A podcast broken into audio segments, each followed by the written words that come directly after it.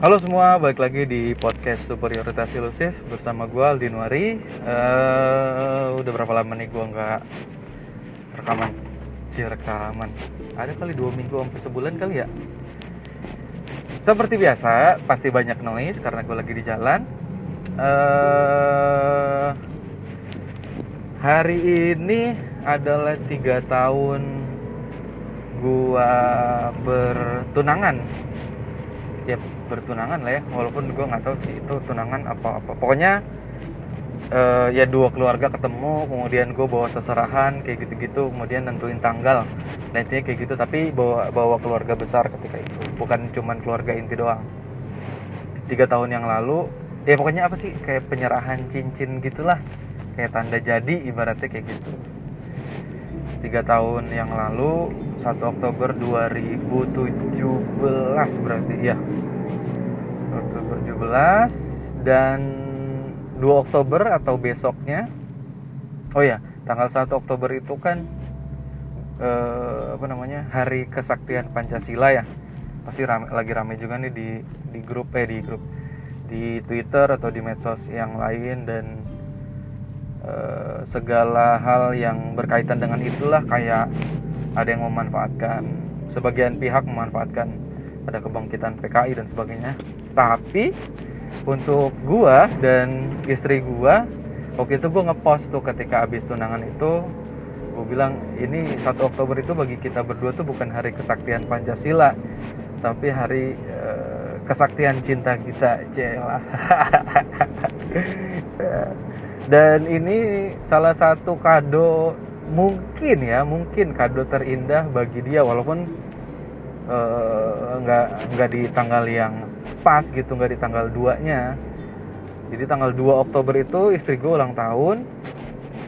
Dan uh, dulu tadi tadinya kita mau tunangannya di tanggal 2 cuman kayaknya waktu itu tanggal 2 tuh hari Senin gitu. Terus ya gue juga masih kerja kemudian bini gue juga kerja dan kita nggak mau ngabis-ngabisin cuti sih karena buat pas nikahan ataupun pas honeymoon ketika itu kan nyimpen-nyimpen lah.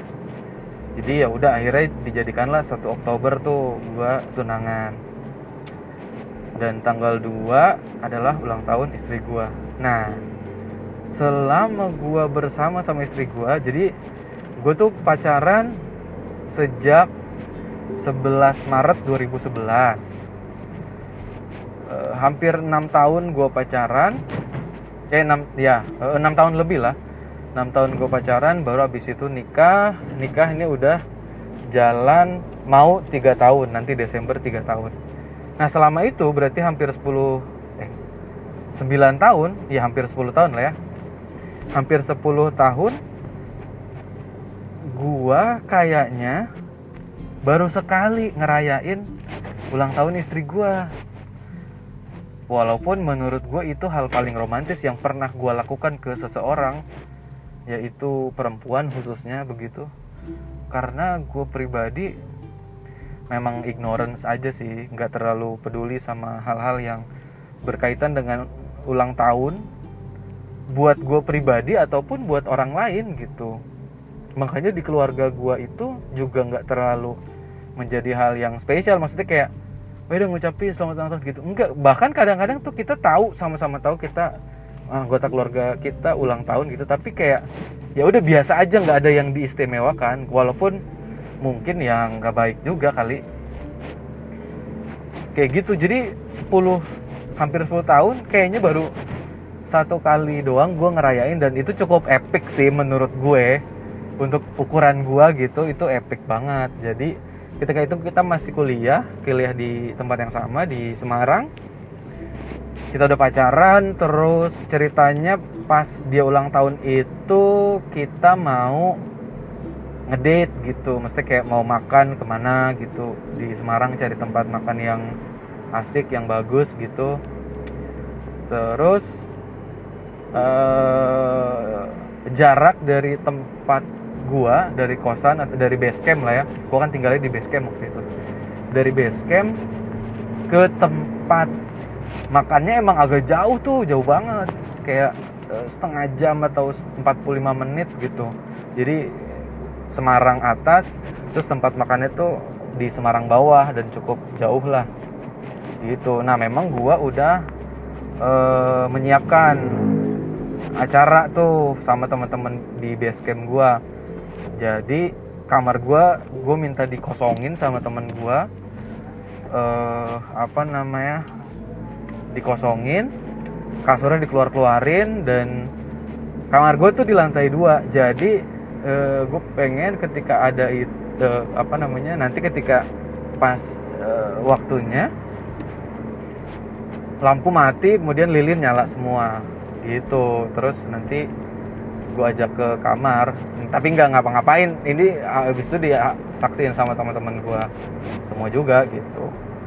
Jadi pakai lilin-lilin terus ada love love gitulah. Terus habis itu gue nyanyi dan dia terharu. Mungkin terharunya adalah karena memang gue dia kaget aja gue bisa bikin kayak gitu. Nangis lah dia. Nggak tahu nangis karena apa. Panas kali karena banyak api lilin gitu sempet gua uh, apa namanya direkam waktu itu dan pernah gua upload juga di channel YouTube. Channel YouTube gua Aldinwari gitu. Kayaknya waktu itu lumayan viewnya ada lah seribu. Lumayan lah buat gua mah seribu. Uh, bahkan ada yang komen aduh romantis banget gitu. Biasa kalau misalnya kalau sekarang kayak ada meme yang itu tuh yang kapan ya? Kapan ya? gitu nah itu cuman sekali doang. Uh, gua merayakan ulang tahun dia. Seingat gua ya. Kalau dia ketika gua ulang tahun tuh pasti dia at least dia beli kue atau dia udah nyiapin sesuatu misalkan kayak tahun lalu kayaknya dia udah nyiapin beli sepatu gitu buat gua gitu buat uh, hadiah terus apa ya uh, dompet jam tangan dan sebagainya lah. Pokoknya dia dia tuh ya memang prepare banget lah dan di keluarganya juga ya mungkin di keluarga orang-orang yang normal juga mungkin begitu ya. Ngerayain at least beli kue terus berdoa dan sebagainya. Nah tapi kalau di keluarga gue memang enggak gitu. Nggak ada tuh pakai eh, kue tiup lilin dan sebagainya. Memang ya gue dari kampung dan nggak ya nggak terbiasa lah sama hal-hal seremonial kayak gitu gitu. Bahkan seumur hidup almarhum bokap kayaknya gue baru sekali akhirnya ketika bokap umur 50 apa 51 gue lupa. Kita akhirnya bikin surprise gitu bikin uh, surprise ya beli kue dan itu hal yang pertama kali terjadi di keluarga gue gitu. Dan ya buka gue cukup terharu juga sih ketika itu dan gue seneng sih ya karena gue udah kerja udah bisa beli kue lah ya. Ketika itu ya udah gue beli dan dia seneng lah bokap. Uh, balik lagi ke bini gue.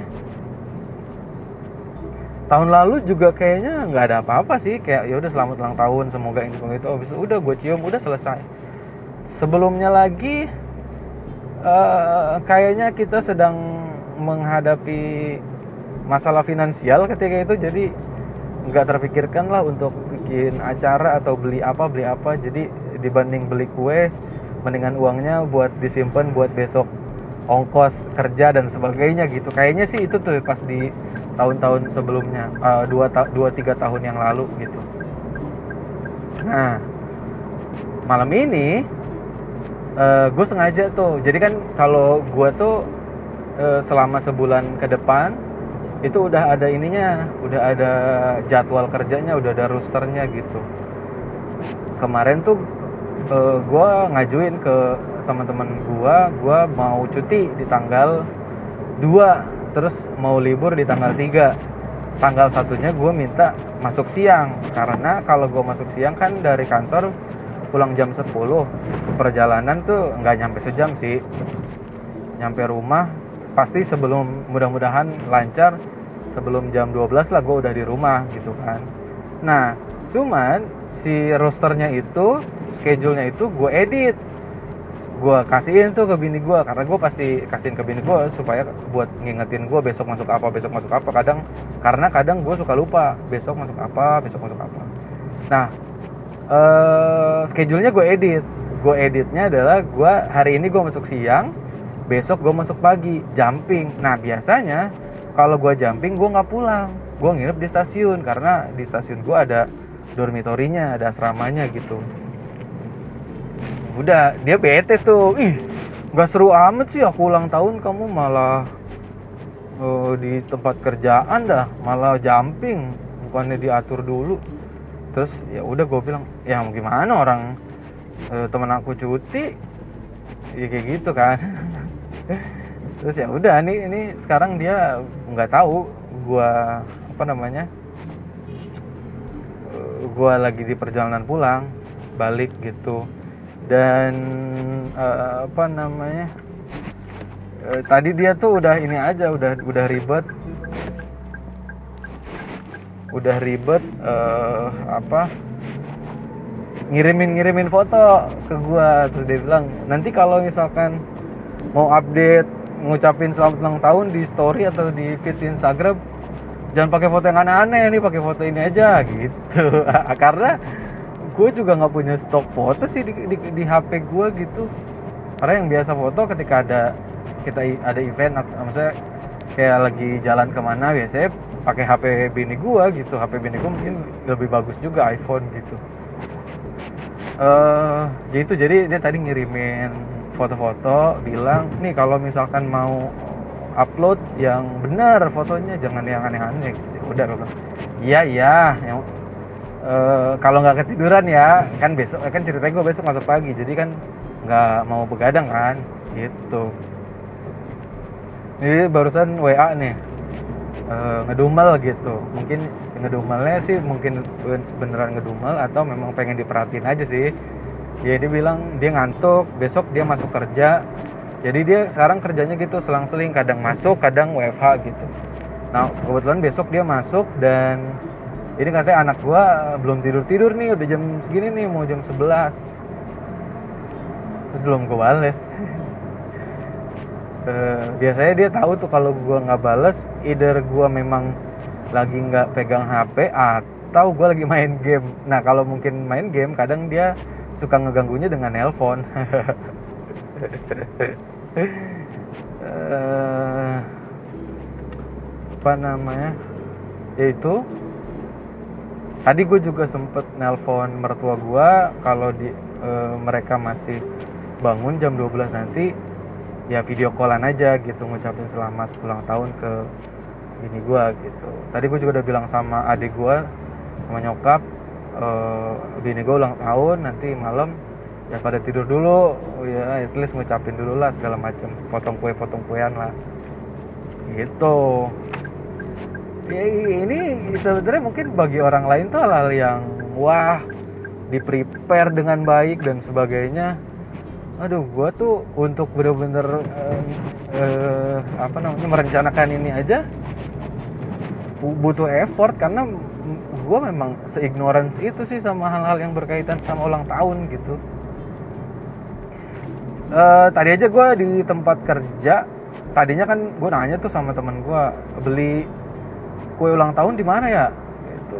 Terus dia bilang bisa kok digojekin. Atau enggak buka aja website uh, toko kuenya terus nanti dikirim. Bisa dikirimnya pakai gojek atau grab gitu. Nah terus dia uh, temen gue bilang nggak usah mas ini aja apa namanya ke Bread Talk aja mendingan ke Blok M Plaza tuh kan biar sekalian lihat apa namanya bentukannya kayak gimana dibanding cuma dari foto kan. Ya tuh tadinya mau begitu. Nah tadi nggak tahu gue ngantuk banget karena memang semalam gue kurang tidur terus tadi pagi juga nggak tidur sebelum berangkat kerja jadi emang ngantuk banget nah kebetulan jadi ya blok M stasiun blok M kan ada teman gue juga. Gue minta tolong lah sama dia. Bisa nggak mampir ke Blok M Plaza ke Bread Talk gitu beliin kue ulang tahun? Eh kebetulan dia shift pagi. Tadi jadi udah selesai kan dan masih ada di stasiun. Saya bilang ya udah oke okay, mas nanti dibeliin. Ya udah gue nitip aja tuh dari sama dia terus gue transfer aja uangnya jadilah tadi terus eh, sebelum balik ini sebelum rekaman ini gue mampir dulu ke Blok M untuk ngambil kuenya gitu.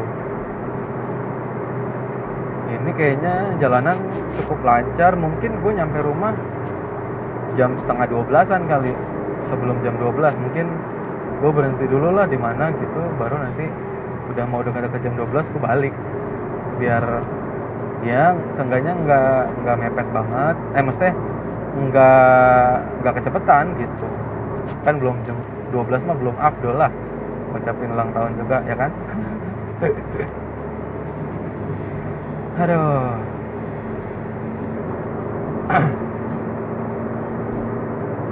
Gila gue baru ngomong lagi dan uh, dengan nada yang kenceng seperti ini tenggorokan gue langsung sakit tuh anjir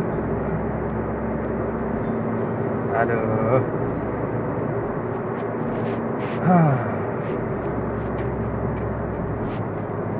Gue tuh sekarang punya podcast. Punya Instagram yang fokus untuk gue nge-share nge-share tentang saham. Terus ada channel telegramnya.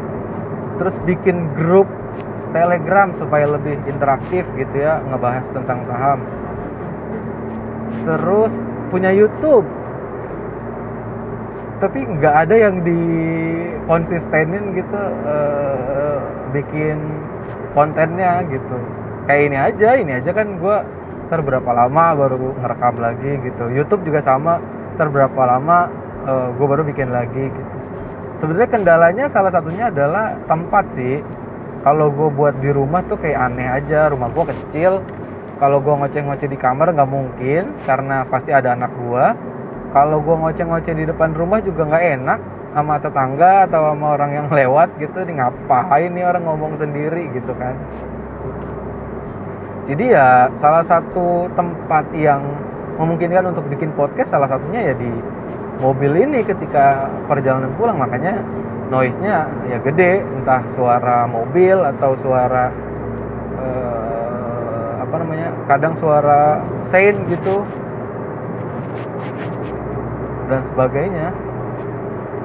Atau gua kalau masuk malam jadi di ruangan ada satu ruangan uh, office-nya gitu ya gue bisa tuh di situ sendiri. Kadang gue memang bikin video di buat YouTube ngerekam dari HP aja gitu pakai screen recorder itu gue di di stasiun gitu. Ketika gue masuk malam ketika memang uh, pekerjaan udah beres lah. Gue banyak waktu luang cuman standby aja. Nah biasanya gue buat tuh cuman kadang kalau gue masuk malam ya itu tadi balik lagi niatnya aduh males banget sih bikin aduh males banget bikin. Kayak gitu terus gue juga punya Twitter tentang saham Twitter pribadi gue dan Twitter sebenarnya ini random tapi mostly gue ngebahas tentang cryptocurrency sih di situ. Uh, ya seperti yang beberapa kali gue pernah sampaikan juga di episode-episode sebelumnya selain gue trading dan invest di saham gue juga bergelut di bidang di dunia kriptografi eh kriptografi cryptocurrency mata uang digital lah aset digital. Ternyata perkembangannya gila sih pesat banget. Uh, dulu mungkin apa namanya uh, eh, gue taunya uh, bit, apa namanya cryptocurrency ya cuman Bitcoin, Ethereum, Ripple doang gitu. Ternyata ya hari ini udah ribu-ribu koin namanya kan walaupun ya mungkin kejelasannya nggak tahu juga gitu. Terus sekarang tuh eh kalau dulu mungkin yang gue tahu ada Bitcoin uh, selain selain trading ada juga mining gitu. Jadi uh, pakai perangkat komputer uh, dan modal berapa gitu Bitcoin habis itu nanti nambang tuh.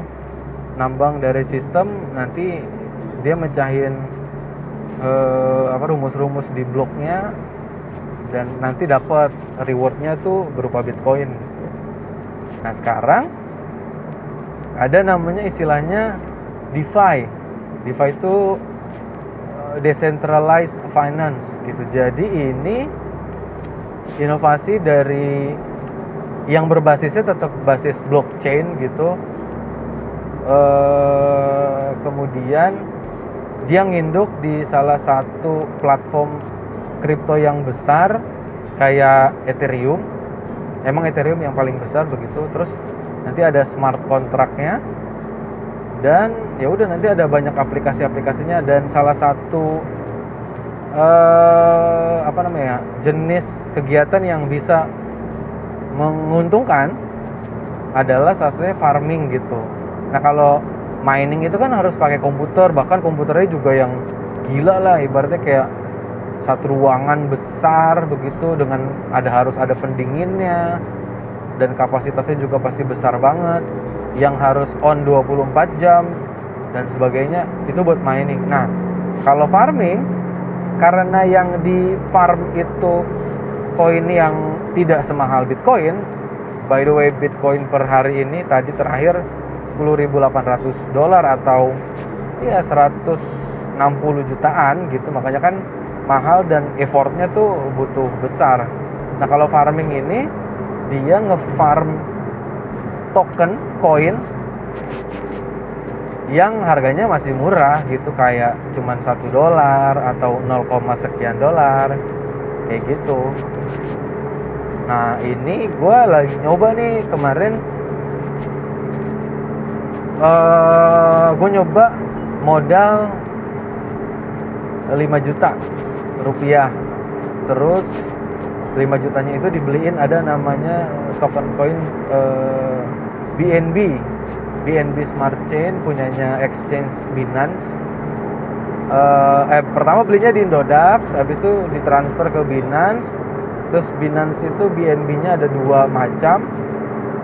Akhirnya berubah jadi yang Binance biasa ke Binance Smart Chain nah dari Binance Smart Chain ini ditransfer ke ada wallet gitu dompet dompet digital Trust Wallet namanya Nah, di si Trust Wallet ini ada DApp deh, berarti Decentralized Application gitu kalau nggak salah ya. Atau AMM, Auto Market Maker. Nah, di aplikasi atau website-website ini uh, kita bisa melakukan farming tadi dengan modal BNB. Jadi nanti BNB-nya di swap atau diubah menjadi koin yang memang akan kita farm, yang akan kita uh, apa namanya? Apa sih farm bahasa Indonesia nya oh, masa petani sih? Jangan kita tanam lah intinya tak si koin itu ditanam habis itu kan berbuah kan membuahkan koin yang sama. Jadi si BNB nya dirubah ke koin namanya cake. Habis itu nanti dapatnya koin cake itu. Nah kemarin itu gue modal 5 juta atau sekitar 340-an dolar. Karena dolar kan sekarang 14 ribuan. 14.800 sampai 14.900 uh, terus gue main eh, farming tuh uh, si cake tadi jadi BNB nya diubah jadi cake jadi berapa ratus cake gitu 6 300an atau berapa ratus cake gitu. Terus gue coba stacking namanya. Apa namanya pokoknya ngefarm gitulah. Nah itu kemarin gue dalam kurun waktu 8 jam dapat si cake-nya itu kira-kira 10 10 atau 12 gitu. 12 cake. Dan harga cake-nya ketika itu adalah 1, berapa ya? 1, yang pas gue jual itu pas gue withdraw harga cake-nya 1,3 dolar atau 1,2 dolar gitu. Ya tinggal dikali aja kan dikali 12 tadi. Terus abis itu uh, si cake-nya itu gua swap lagi ke Binan eh ke BNB tadi nah karena si BNB nya juga kemarin harganya lagi naik itu gua dalam kurun waktu 8 jam profit gua sekitar 100 dolar. Atau berapa tuh? Sejuta 400 wow. Uh, terus habis itu gue nafsu. Nafsu gue tambah modalnya tanpa menghitungkan resiko yang ada bahwa si koin cake ini selain naik kan juga bisa turun ya dan akhirnya hari ini turun. Uh, banyak yang panik lah akhirnya ngejual dalam kondisi loss. Nah kalau gue belum masih gue tambah eh, masih gue hold karena uh, selama gue belum jual ya gue belum rugi dong masih floating loss gitu ya. Tapi di sisi lain koin gue bertambah dengan proses farming tadi. Jadi once si koinnya balik lagi ke harga yang sama aja minimal at least gue udah pasti untung karena kan gue udah dapat koin yang baru tuh dari farming. Gue per hari ini aja per hari ini atau dari kemarin ya gue lupa deh. Ya dari kemarin lah ya. Mungkin koin yang udah gue hasilin udah berapa? 30 lebih. Jadi kalau di satu dolarnya ya 30 dolar. Nah cuman hari ini koinnya turun. Bahkan tadi tuh 0 sampai 0,29 dolar apa? Tapi ini tadi terakhir gue lihat naik lagi sekitar ke 0,5 dolar. Tapi kalau eh, secara posisi gue dalam posisi yang loss karena harga koinnya aja udah lebih dari 50% turunnya kan. Uh, tapi ini koin baru baru listing tiga hari. Uh, terus gue baca uh, apa namanya baca fundamentalnya lah. Terus siapa aja developer-developer yang memang mendukung project ini project si coin cake ini dan salah satunya tuh ya dia di endorse atau beberapa kali dimention sama CZ uh, CJ Justin. Itu dia CEO-nya Binance salah satu exchange yang dengan market cap untuk exchange-nya cryptocurrency terbesar sedunia. Jadi uh, gua rasa ini kayaknya oke okay, gitu oke tadi terus tadi juga baru ada informasi dia habis si pancake swap ini yang yang aplikasinya atau websitenya gitu dia baru di audit tuh ada badan audit untuk cryptocurrency gitu gue lupa namanya apaan. Uh, di audit dan hasilnya oke okay gitu audit uh, hasil auditnya. Itu ya sentimen positif tuh untuk si coin cake tadi. Akhirnya dia naik lagi tuh dari 0,29 ke terakhir 0,54 apa? Hampir 50% tuh nge ngepamnya. Nah terus ya udahlah akhirnya gue ah nggak usah weekend lah. Maksudnya nggak usah buru-buru dijual. Kalau dijual juga nanti malah gue loss. Gitu. Jadi ya semoga aja tetap masih bisa naik minimal ke satu dolar ke atas. Ya kalau lebih tinggi lagi lebih bagus berarti gue lebih profit gitu terus e, sebenarnya kemarin tuh sempat gue kasih teaser gitu di grup telegram saham gue gue bilang saya lagi nyoba crypto farming nih. Kalau itu works uh, nanti coba akan saya share baik berupa thread atau apa namanya baik berupa thread ataupun video di YouTube. Gue bilang gitu. Nah terus akhirnya kan gue jalanin nih. Oh ternyata resikonya gede banget ya seperti biasa memang kripto itu resikonya gede. Apalagi memang orang yang nggak membaca tentang cryptocurrency yang pengennya untung doang pasti bakalan jadi stres banget lah kalau memang kehilangan uangnya. Terus ya udah akhirnya gue bilang oh karena risikonya terlalu besar saya nggak jadi nge-share lah. Uh, kita balik lagi ke saham. Akhirnya gue ngebahas saham lagi aja tuh di channel gue ataupun di Instagram gue gitu karena prinsipnya sih gue nggak mau ngejerumusin orang juga apalagi secara emosi dan kondisi orang-orang tersebut. Tip, uh, belum mau belajar lebih gitu kayak maunya untung doang dan gue nggak nggak mau juga ngejerumusin kayak gitu. Akhirnya ya udah gue bilang gue nggak jadi lah gue tetap ngebahas saham aja akhirnya gue ngebahas saham lagi? Ngebahas IHSG lagi kondisinya seperti apa? Dikaitin sama kondisi perekonomian nasional seperti apa? Gitu.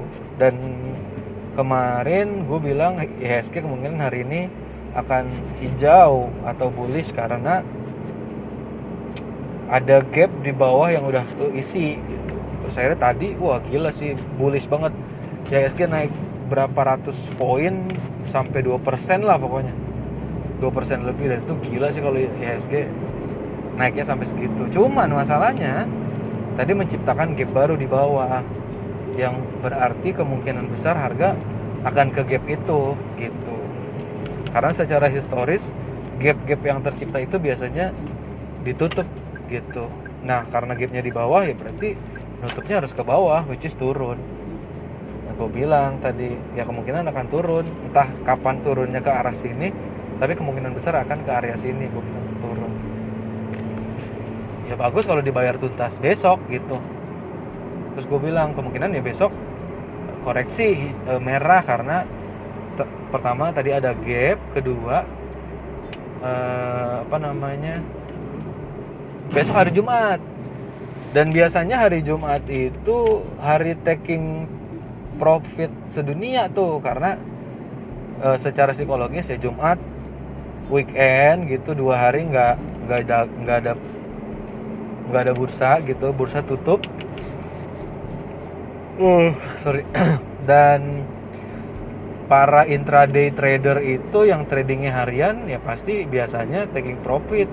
Kalau memang dalam kondisi profit ya biasanya di hari Jumat tuh karena ya tadi dua hari dibanding uangnya nganggur gitu kan dia tarik eh walaupun ya tetap aja sih kalaupun narik juga dia nyampe nya akan di hari Senin juga atau hari Selasa karena di saham itu ada T plus 1, T plus 2 biasanya eh, hasil dari transaksi kita itu terbukukannya itu dua hari setelah transaksi di hari itu.